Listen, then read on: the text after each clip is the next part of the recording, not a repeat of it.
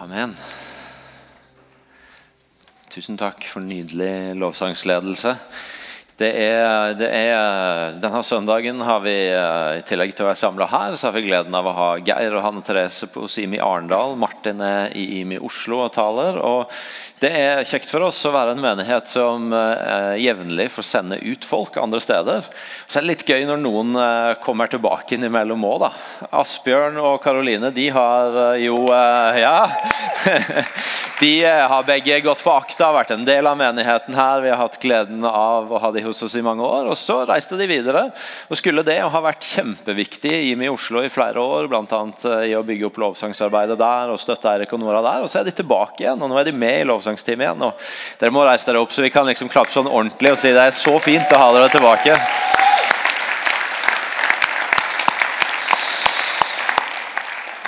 Nydelig, nydelig.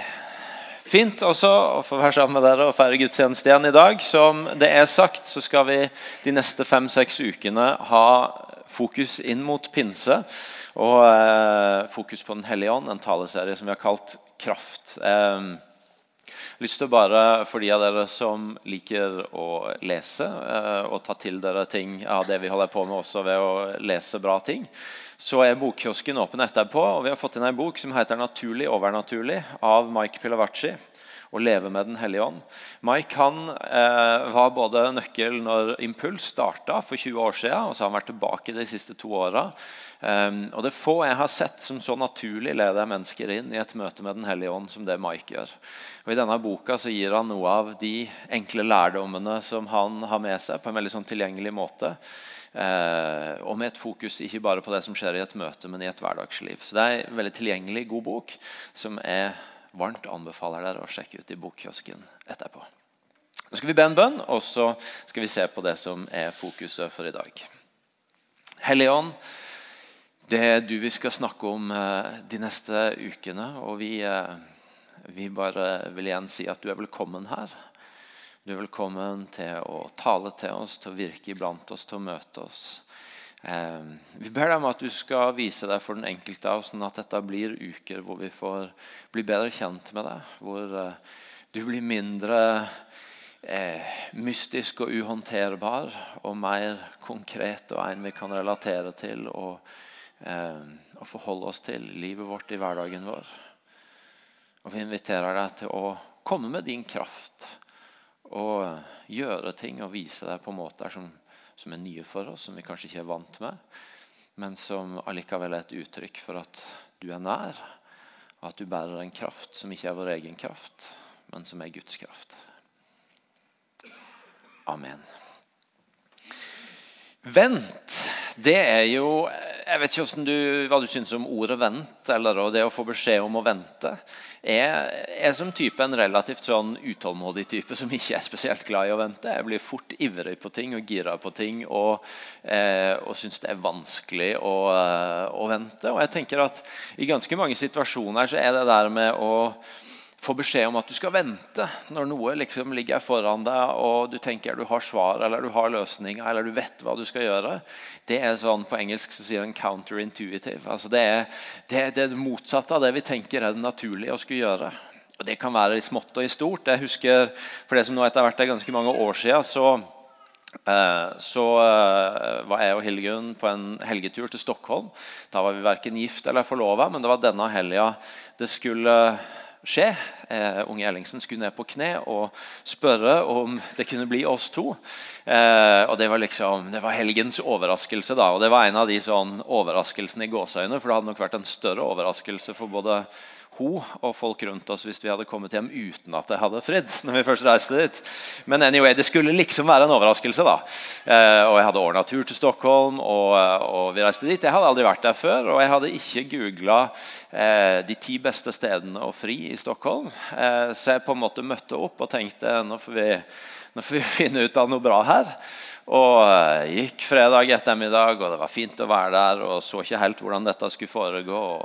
jeg var ute i byen på lørdag formiddag og syntes at dette var jo eh, ja, flott by, men, men fant liksom ikke helt ut av det. Når vi begynner å komme ut på lørdag kveld, og du tenker at nå har du liksom én middag igjen å feire dette her på, så nå må det snart skje noe, så merker jeg liksom at Hilgun begynner å humre på sida av meg. For det er nok åpenbart for hun òg at nå går han rundt og leter litt her. og så kommer vi til slutt til plassen foran eh, et av disse store slotta i Stockholm. Eh, og, eh, og jeg tenker, og Vi er der, og vi finner oss en benk ute på plassen der. Og jeg tenker at ja, ja, nå, jeg har ikke noe bedre. altså. Så, så jeg er ned på kne. og da griper jeg bare Helgen i og Nei, nei, nei, du må vente! du må vente. Og den, den følelsen av å liksom ah, Ok. Ja, ja, Så satt vi her da, og venta litt. fordi at uh, Hun ville jo ikke bli fridd til når det sto kanskje 20 andre turister og tok bilder rundt der. Så da satt vi der da, til alle de var gått. Og så kunne jeg gå ned igjen. og Så, så blei det gang, da. Men uh, ja. Hun sa ja, eh, men eh, poenget mitt er noen ganger så har du ikke så lyst til å vente. Ordet 'vente' er ikke et veldig gøy ord å få, enten det er ved et frieri eller du skal rekke en avtale, og så er det noe som hindrer deg. Eh, og så er det noen ganger det kommer litt dypere og litt mer alvorlig enn det. Og jeg tenker Irene sa nettopp noe om det, å være i sånne situasjoner hvor noe er kjempevanskelig. Og hun sa noe om vi, vi, har, vi har egentlig ikke noe vi kan gjøre. Det eneste kan gjøre, er å vente, tilbe. Og, og sånn kan jo være en del situasjoner i livet hvor det, det, føles helt feil at budskapet er vendt. Men allikevel må en forholde seg til det som en del av livet. Og jeg tenker Når vi møter disiplene i starten av apostlenes gjerninger, så, så er det så mye som taler for at det burde være en gjeng som virkelig var i bevegelse. De har sett det Jesus har gjort gjennom tre år. De har, sett, de har på en måte sett alle underne, miraklene, undervisninga hans som, som, ikke var som andres undervisning, men den var med kraft og autoritet. Og så, og så, har de gått på den kjempesmellen at det ikke ble som de trodde, men han ble tatt til korset, han døde. Men så har han stått opp igjen, og han har vist seg for mange. Og, og ryktet har begynt å gå om at han er jo den levende. Og du kunne tenke at dette er jo virkelig øyeblikket for å smi mens jernet er varmt. For å få ut misjonsteam som forteller om det, for å sette opp noen store møter. for å, Kanskje ikke sosiale mediekampanjer på den tida, men et, et eller annet som fikk ut budskapet om at han lever jo, han vant over døden. Han, han er den han utga seg for å være. Og inn i det så åpner altså apostlenes gjerninger med å fortelle dette her. At etter å ha lidd døden sto han levende framfor dem med mange klare bevis på at han levde. I 40 dager viste han seg for dem og talte om det som hører Guds rike til. En gang han spiste sammen med dem, påla han dem dette. Dere skal ikke forlate Jerusalem, men vente på det som far har lovet, det som dere har hørt av meg. For Johannes døpte med vann, men dere skal om noen få dager bli døpt med Den hellige ånd. Vent! Det står at han har vist seg for mange. Ryktet har begynt å gå. Og så er budskapet dere skal ikke, ikke, ikke, ikke bevege dere ut av byen engang. Ikke sende ut noen misjonsteam. Ikke begynne å gå for å fortelle. Men vent her til dere får det som dere er lova, nemlig Den hellige ånd. Og I vers 8 så sier han dere skal få kraft når Den hellige ånd kommer over dere, og dere skal være mine vitner i Jerusalem og hele Judea, i Samaria og helt til jordens ende. Det intuitive ville være gå! Få budskapet ut.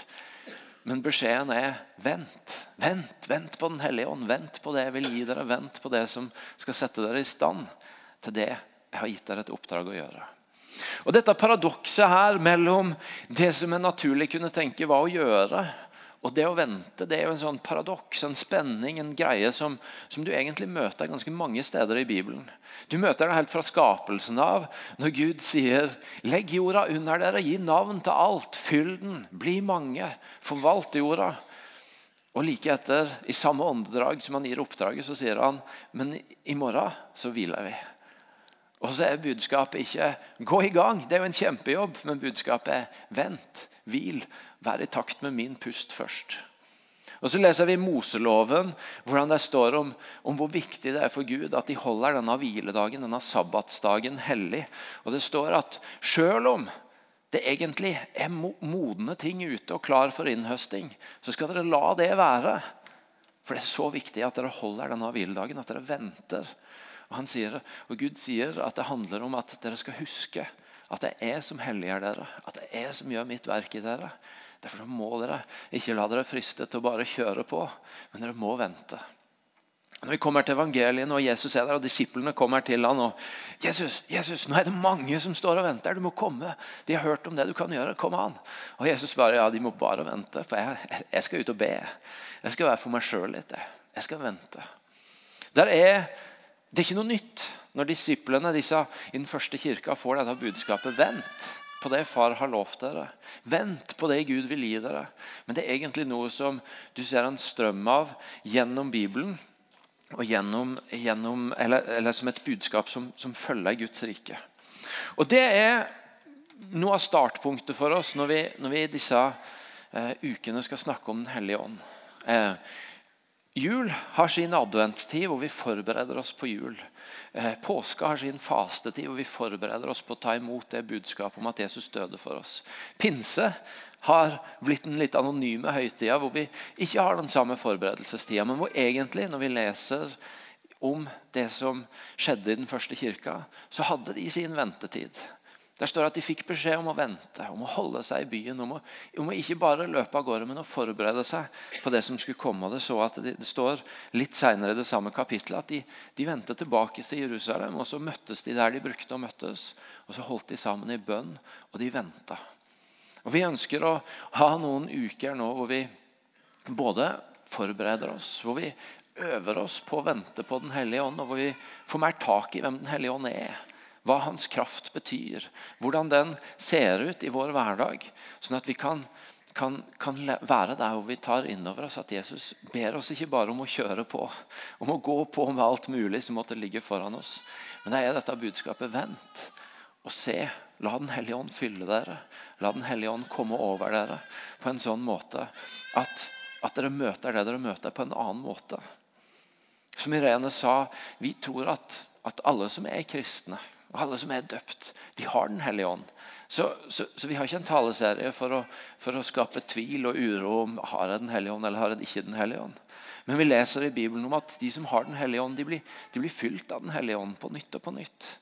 Det er som noe som lekker, og som en stadig vekk trenger å, å bli fylt mer av for å møte det som ligger foran. Og Hvordan ser det ut for oss å vente og gi rom for det det, det handler om i Bibelen når, når dette budskapet om å vente, om å, om, å, om å, vente på Den hellige ånd, om å tre til sides for å be, som Jesus gjør, om å holde hviledagen hellig, så, så handler det om å gi rom for Gud. Om å gi rom for den han er, for det han vil gi oss for det han vil skape i oss, sånn at vi møter det vi skal møte, på en annen måte. Hvordan ser det ut for oss å vente? Det er jo en spenning vi òg lever i. Hvor, hvor, hvor, mye skal vi be? Når det er masse som kan gjøres. Masse vi føler burde gjøres, masse som ligger klar til å gjøres. Hvor mye skal vi be? Hvor mye tid skal vi bruke på bare å være stille? Hvor lenge skal vi synge lovsanger? Hvor lenge skal vi synge hver enkelt sang? Skal vi snart videre på en ny sang? Det handler jo om å, om å vente, om å gi rom, om å, om, å, om å, bli værende i noe lenge nok til at det Gud vil gi, får rom. Og Martin Luther han er kjent for dette sitatet om at vanligvis så ber jeg to timer om dagen. Men hvis jeg har det travelt, så ber jeg tre timer om dagen. Counterintuitive. Mot, mot det som det som gir mening, det som er intuitivt naturlig. Men allikevel noe av det vi møter som Gud ber oss om, og som Gud inviterer oss til. Vent. Ta imot. Gi rom for. Og så er det lett å høre sånne sitater som det fra Martin Luther og tenke wow, ja, det er bra. Og så tror jeg alle av oss vet at det river litt når det kommer til hverdagen og til våre egne liv. Hvordan ser det ut, da? Hvordan gir det mening, og hvordan kan jeg oppleve at jeg er ansvarlig i møte med alt det som ligger på tallerkenen min, enten det er hjemme eller på jobb eller i omgivelsene? Og allikevel si ja, men jeg ønsker å vente, for jeg ønsker å ta imot, jeg ønsker å møte det som er livet mitt, med det du gir meg, Gud, ikke bare med det jeg har å gi. Og Det tenker jeg er noe av det som vi, skal få, få en invitasjon på i disse ukene. Hvordan ser det ut i mitt liv? Å gi rom for å vente. Og Jeg har lyst til å utfordre deg og meg sjøl ganske spesifikt på ikke bare la den utfordringa bli en sånn generell utfordring til å finne litt bedre plass til andaktslivet. Men til å egentlig litt spesifikt legge bort mest mulig av det som du gjerne fyller også den tida med. Og gi rom for å være stille og bare snakke med Den hellige ånd. Og invitere Den hellige ånd og si Hellige ånd, jeg har lyst til å bli bedre kjent med deg. Jeg har lyst til å ta mer mot fra deg. Jeg har lyst til å forstå mer av hvordan du gir meg noe som, som, som gjør hverdagen min annerledes, og som, som lar meg få møte ting på en annen måte. Kanskje betyr det at du fra ei tid både leser mindre i Bibelen og ber mindre. Og, og, jeg er veldig for både å lese Bibelen og be, så ikke gå og skrive et eller annet sted at nå sier pastor Ellingsen at vi ikke skal lese Bibelen lenger. Men kanskje betyr det for ei tid at, at, det er litt mindre av det. For å ha litt mer plass til å bare være stille og spørre Hellige Ånd. Hvem er du? Hva har du for meg? Hvordan ser det ut for meg å leve med deg? Vent. Dere skal vente. Ikke forlate Jerusalem, men vente på det som far har lova. Det som dere har hørt av meg. Dere skal vente. Og Hva er det som skjer når vi venter, når vi gir rom for Den hellige ånd? Hva er det som skjer med oss da? Hva er det som får plass? Jo, Den hellige ånd er det så mye å si om. Det står så mye i Bibelen om hvem Den hellige ånd er, og hva han gjør. At, at det, det, er mange undervisninger, og vi skal snakke om han i mange uker. Jeg skal ikke prøve å gi noe sånn eh, prøve å gi noen sånn grunnundervisning i hvem Den hellige ånd er nå. Men jeg har bare lyst til å peke på to ting ut fra den konteksten som det verset lyder i. Nemlig at du har en gjeng disipler som har fått et oppdrag. Nemlig å ta det Jesus har gjort og gitt dem, og gi det videre til resten av verden. Og så får de allikevel en beskjed. Vent, for dere må motta Den hellige ånd hvis dere skal gå videre i dette oppdraget. Og jeg tenker at I den konteksten, i det, eh, eh, i det perspektivet, så er noe av det som skjer når Den hellige ånd får rom blant oss, det er, noe som handler, det er noe som har med fokus å gjøre. Det er noe som har med hva som blir viktig for oss å gjøre. Paulus han skriver det sånn i Romeren 8, vers 5, at de som lever slik kjøttet vil, er bare opptatt av det som hører mennesker til. Men de som lever slik ånden vil, de er opptatt av det som hører ånden til. For det kjøttet vil, er død, men det ånden vil, er liv og fred. Noe av det som skjer når Den hellige ånd får rom iblant oss, det er at det skjer noe med hva som er viktig for oss. Hva vi er opptatt av. Fokuset vårt blir stilt mot det som er på Guds agenda. Det som, det som han ser som viktig. Og så får det større plass i hva som er viktig for oss. Jeg vet, og selv om vi er forskjellige, så, så tror jeg egentlig det gjelder for ganske mange. Altså, jeg vet at i mitt liv så er det veldig mange forskjellige ting som kan bli viktig. Og Det kan være litt tilfeldig hva som blir viktig for meg, hva som får fokuset mitt, hva jeg setter øynene mine på. Det kan være små, praktiske ting som skal løses, som bare blir veldig viktig for meg. Jeg får det rett i synsfeltet mitt, og så er det det som Nå, nå må bare det på plass.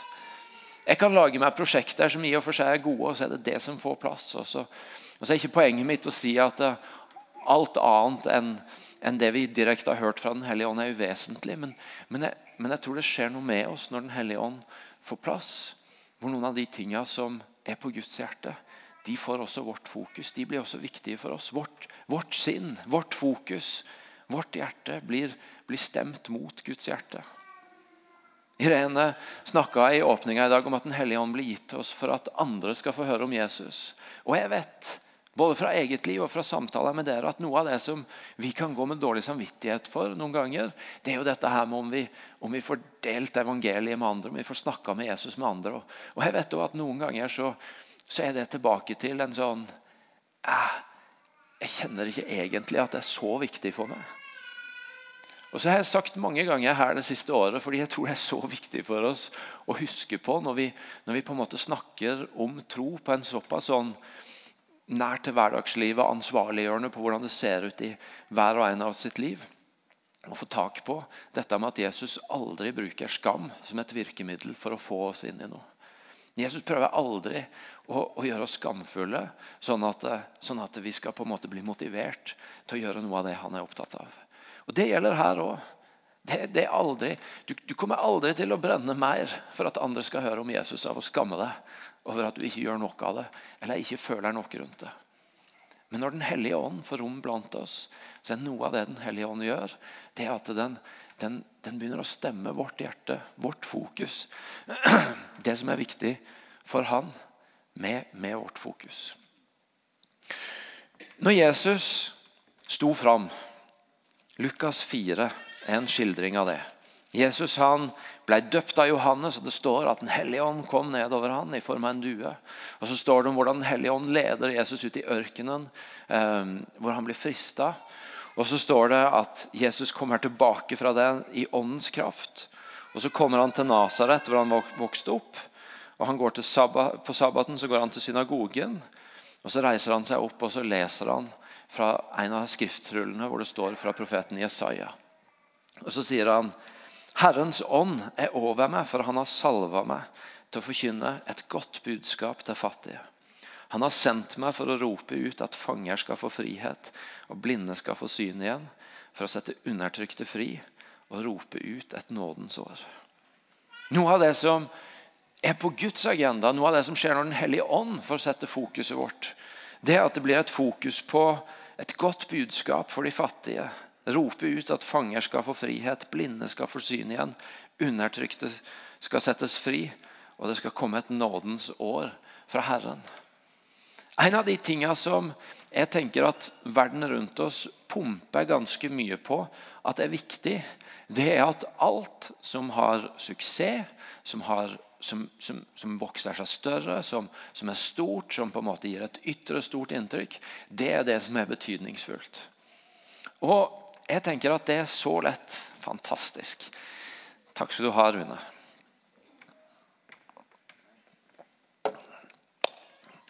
Jeg tenker at Det er så lett for oss som kirke å, å bli veldig fokusert på tallene. Å bli fokusert på det som handler om eh, mest, flest, størst av alle mulige ting.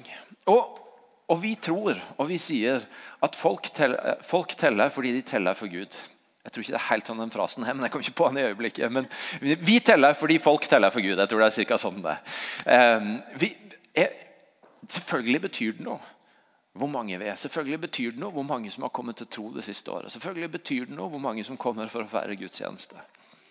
Men jeg, jeg tror det er veldig viktig for oss å få tak i at på Guds agenda, på Guds hjerte, så måles ikke alltid tall i størrelse, i hvor mange, hvor mye, i hvor stort og flott.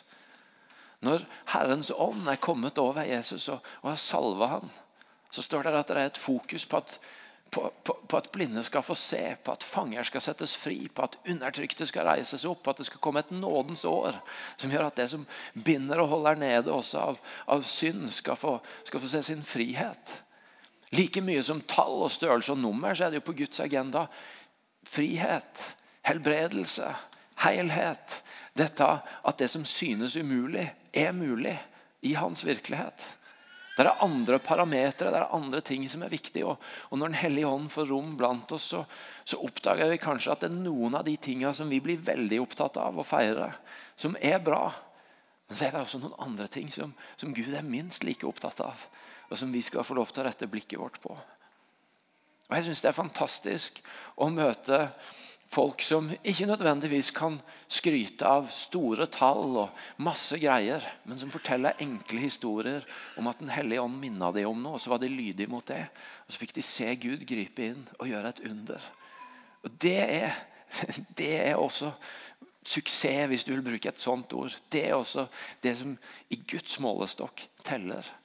Jeg tror at Gud gjennom sin ånd ønsker å finstille fokuset vårt på hva er det som er viktig.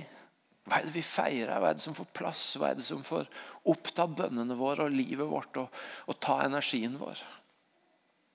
Jeg har sagt tidligere at, at jeg, jeg, tror vi lever i ei tid og jeg tror vi går i møte ei tid som vil utfordre mange av oss på, å tørre å være enda tydeligere på hva vi står for og hvem vi er som kristne. Jeg opplever sjøl å tilhøre en, en, et alderssegment, en generasjon som på mange måter mange av oss har har i ganske mange år vært, mye, vært, mye, opptatt av å prøve å vise mange mennesker rundt oss at vi kristne er jo ikke så rare og annerledes og treige. Fordi vi, vi, på mange måter følte at det var et bilde som levde rundt oss, med gode intensjoner og med et godt hjerte. og jeg, jeg tror det har noe for seg. Men jeg tror også det er en fare for at over tid så kan det umerkelig kanskje ha sklidd litt fra et godt hjerte for å vise at det er ikke det kristen tro handler om, til å kanskje bli litt tannløs. Litt for lik, litt for i mengden. Og så tror jeg at vi, vi er i ei tid, og vi kommer mer og mer i ei tid hvor, hvor vi kommer til å bli utfordra på å tørre å stå for noe. På å tørre å være tydelige, på å tørre å være litt annerledes. Og så tror jeg at Den hellige ånd er den store X-faktoren i det. For hvis, hvis det som skjer med meg, er at uh, nå har jeg runda 40, og at i løpet av de neste åra så, så, går jeg fra å være ung voksen til voksen og begynner å bli litt gammel. og Nå forstår jeg ikke lenger så mye av hva disse ungdommene holder på med. og Det var jo litt bedre før, og, uh, og jeg ser jo at det er noen verdier som er i spill nå. og så, og så, blir det egentlig bare en reaksjon på, på fremmedgjøringa mellom meg og de som er yngre, eller det som skjer i samfunnet rundt meg. Så er ikke veien så veldig langt å egentlig bare repetere det jeg sjøl opponerte mot. Og til å, til å, bare bli en sånn reaksjon som, som bygger murer, og som, som setter stengsler. Men jeg tror X-faktoren er X-faktoren på om vi blir en sånn litt rar gjeng som bygger murer, eller om vi blir lys og salt i denne verden, som Jesus sier vi skal være. Det er jo Den hellige ånd som, som, som hjelper oss til å, til å, gjøre det Jesus gjorde, nemlig å holde nåde og sannhet sammen. Som hjelper oss til å, til å være annerledes midt iblant folk, ikke et sted godt unna folk. Jeg tror at Den hellige ånd skarpstiller fokuset vårt og, hjelper, og vil hjelpe oss i tida som kommer, til å være et annerledes folk. Som tør å stå for noe, men som tør å stå for noe. Ikke bare sånn at vi kommer på distanse, men som gjør at vi kan være lys og salt midt iblant mennesker. Og da trenger vi at Den hellige ånd gir oss fokus. Vi skal vente vente på Den hellige ånd. Jeg tror at når, det, når vi gjør det, så skarpstiller Den hellige ånd fokuset vårt. Og så er Den tredje og siste tingen jeg har lyst til å bare kort si noe om i dag, det er jo det som Jesus i disse ordene fra Apostlenes gjerninger 1 lover, nemlig at de skal få kraft. Han sier jeg skal bare finne det fram igjen her, han sier i Apostlenes gjerninger 1 dere skal få kraft når Den hellige ånd kommer over dere. Og dere skal være mine vitner i Jerusalem og hele Judea, i Samaria og helt til jordens ende. Hvis Den hellige ånd justerer fokuset vårt fra de tingene som vi kan bli opptatt av, og som vi kan få til, til de tingene som bare er mulig for Gud, som handler om forvandling, som handler om frelse, helbredelse, helhet, frihet, så trenger vi jo hans kraft til å se det skje. Hvis vi ikke bare skal feire de tingene som vi kan få til på egen hånd, men de tingene som som, som, bare Gud kan gjøre, så trenger vi hans kraft. Og det er det Jesus sier. Dere skal vente til dere har fått Den hellige ånd, men når dere har fått Den hellige ånd, så skal dere få kraft til å bringe mitt rike og til å være mine vitner. Jeg leste Philip Yancy, han er kanskje mest kjent for å ha skrevet en nydelig bok om Guds nåde. Han har også skrevet en bok hvor han, eh, og skrevet om han var og, og møtte kirka i Kina. som når, eh, når, på en måte Kina ble stengt for alle utenlandske misjonærer, alle utenlandske misjonærer ble sendt ut, og, eh, og, og det gikk flere tiår hvor en ikke liksom egentlig visste så mye om hva som skjedde i Kina. og så Når det ble litt åpnere igjen, og en begynte å få tak i hva skjer der, så oppdager en at kirka har jo eksplodert. Det er jo blitt mange millioner nye kristne. Det er en hel sånn bevegelse, en vekkelse av undergrunnskristne som, som lever i kirka. Eh, for det om de måtte gå under jorda, og for det om misjonærer ble, eh, eh, ble vist ut. Og så skriver Philip Yancy at han, Før han reiste til Kina for å møte disse kristne, så hadde han snakka med en misjonær som ble utvist i 1950. Og Denne misjonæren sa vi syntes så synd på dem. De hadde jo ingen til å undervise dem. Ingen til å trykke opp ting for dem, ingen til å gjøre teologisk utdanning for dem, ingen til å drive helseklinikker og barnehjem. Det eneste de hadde, var egentlig Den hellige ånd. Og Så skriver jeg bare Philip Jensi helt kort. Det ser ut som Den hellige ånd klarer seg ganske bra. For i løpet av den tida så har altså kirka eksplodert. Og det er jo det. Den hellige ånd skarpstiller fokuset vårt på hva som er på Guds agenda, men så gir den oss også kraft til å leve det ut. Og så kan vi høre sånne store historier om kirka i Kina og vekkelse. Men så kan vi også ta det helt konkret ned til vår hverdag og til våre liv. Og Jeg har med meg et vitnesbyrd til dere fra en god venn som heter Arve Reigstad, som jeg traff på Nordmisjons pastorkonferanse forrige uke. Han fortalte en historie som jeg ble så oppmuntra av at jeg tok film av den. Dere skal få se den her. Så står jeg her med pastor i Nordkirka, Nordhordland, Arve Reigstad. Du har et veldig inspirerende vitnesbyrd å dele for oss i Imi-kirka, som du skal få fortelle. Ja. Jeg vil bare si at jeg har veldig mye å si og dele det en får fra Gud. Og på en tur som jeg var for noen år siden i, til Battle sammen med dere i IMI, så ble det profetert eh, over Anne Hilde og meg at eh, vi skulle ha foreldre til flere. Etter at vi hadde fått den profetien, så kom det ei dame fra Imi kirke bort til oss og så sier hun at dette skulle jeg ha fortalt dere før, men nå må jeg bare si det. Hvis jeg skulle få velge, så hadde jeg valgt dere til foreldre. Eh, For oss ble det litt sånn overveldende og litt stort, og så vi tenkte hva, hva kan dette bety? Og på slutten av konferansen så kom det ei dame fra eh, menigheten i Redding bort til oss og så at det som dere har opplevd her, eh, det dere har fått i profeti, det kommer dere til å eh, få se skje om en to-tre måneder. Og så reiste vi hjem, og etter to-tre måneder så kom det faktisk ei jente banka på døra vår og spurte kan jeg få lov å bo hos dere. Og denne jenta er nå vårt fosterbarn som bor hos oss. Så de profetiske ordene var med å gi frimodighet til å gripe muligheten når den kom. Absolutt. For oss var det så tydelig at dette hadde Gud forberedt oss på, så dette var det veldig lett å si ja til. Fantastisk. Tusen takk for at du deler. ikke det bra?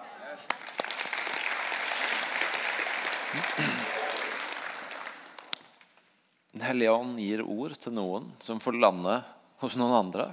Som gir både frimodighet og mot, men også bare oppmerksomhet til å gripe når muligheten kommer dit. Du kan snakke om Den hellige ånd i veldig stor skala av vekkelse i Kina. Men du kan også snakke om det veldig nært i mitt og ditt liv. Av ord som deles, av ord som får lande i hjertet. Som, som, som Den hellige ånd gir, og som gjør at oi, her går Guds rike fram. Her skjer noe av det som Jesus snakka om i Lukas 4. Fordi at noen valgte å både lytte til Den hellige ånd, dele av det Den hellige ånd gir, men også ta imot av det Den hellige ånd talte til dem. Og Det er den store muligheten vår. Å leve i det oppdraget Jesus har gitt oss uten å spille på lag med det Den hellige ånd gjør. Det, det blir litt som å, som å prøve å kjøre en bil på i beste fall halv maskin, og egentlig enda mindre. Det å, det å prøve å løse noe uten å ha med den kraften som gjør at du kan komme deg dit. Og Jesus sier det. Vent, og dere skal få Den hellige ånd. Og ved den så skal dere få kraft til å gjøre det oppdraget jeg har gitt dere, til å leve i det livet som jeg har kalt dere til å leve. Det er invitasjonen til oss. og Derfor så ønsker vi å bruke disse ukene på å spørre hvordan ser det ut i mitt liv. Hvordan ser det ut i mitt liv å gi rom og vente? Hva skjer når Den hellige ånd får justere fokuset mitt, sånn at mer av det som er viktig for han, får bli viktig for meg? Og Hvordan ser det ut at den kraften begynner å virke i mitt liv? Sånn at noen av de ordene jeg får som blir delt til andre, de, de begynner å skape en bevegelse. At, at noen av de bønnene jeg ber om Guds inngripen, de begynner å gjøre, at det umulige blir mulig. Fordi at jeg går ikke bare i egen kraft, men jeg går i Guds kraft. Hvordan ser det ut i mitt liv? Hvordan ser det ut i ditt liv? Det er noe av det vi skal være sammen om. Det er noe av det jeg inviterer dere til å begynne prosessen på denne søndagen. her. Skal vi reise oss opp, og så har jeg lyst til å be litt sammen med dere.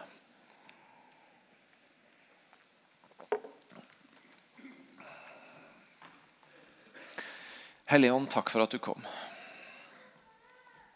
Takk for at du kom, og takk for at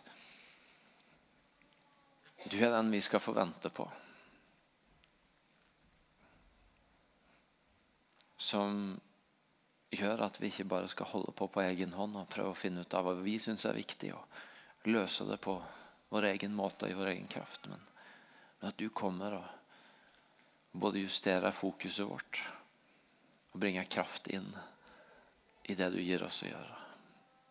Inviterer deg Hellige Ånd akkurat nå til å begynne å virke blant oss. Til å tale til den enkelte av oss. Til å minne noen av oss om hva det vil si å vente. Og andre om det fokuset du ønsker å justere.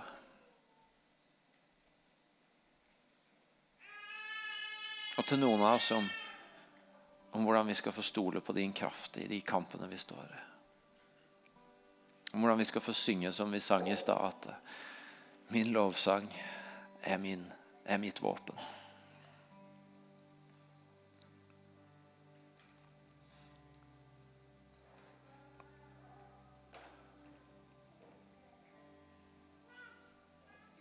ber om at dette skal få være en tid hvor du både gir oss å være mer stille, og samtidig gir oss større mot til å tørre noen ting vi ikke har tort før.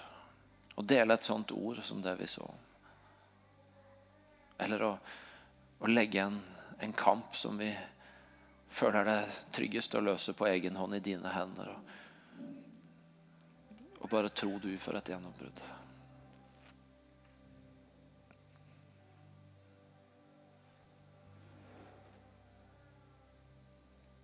Kom Hellige Ånd og fyll oss på ny. Du som gir liv og fred.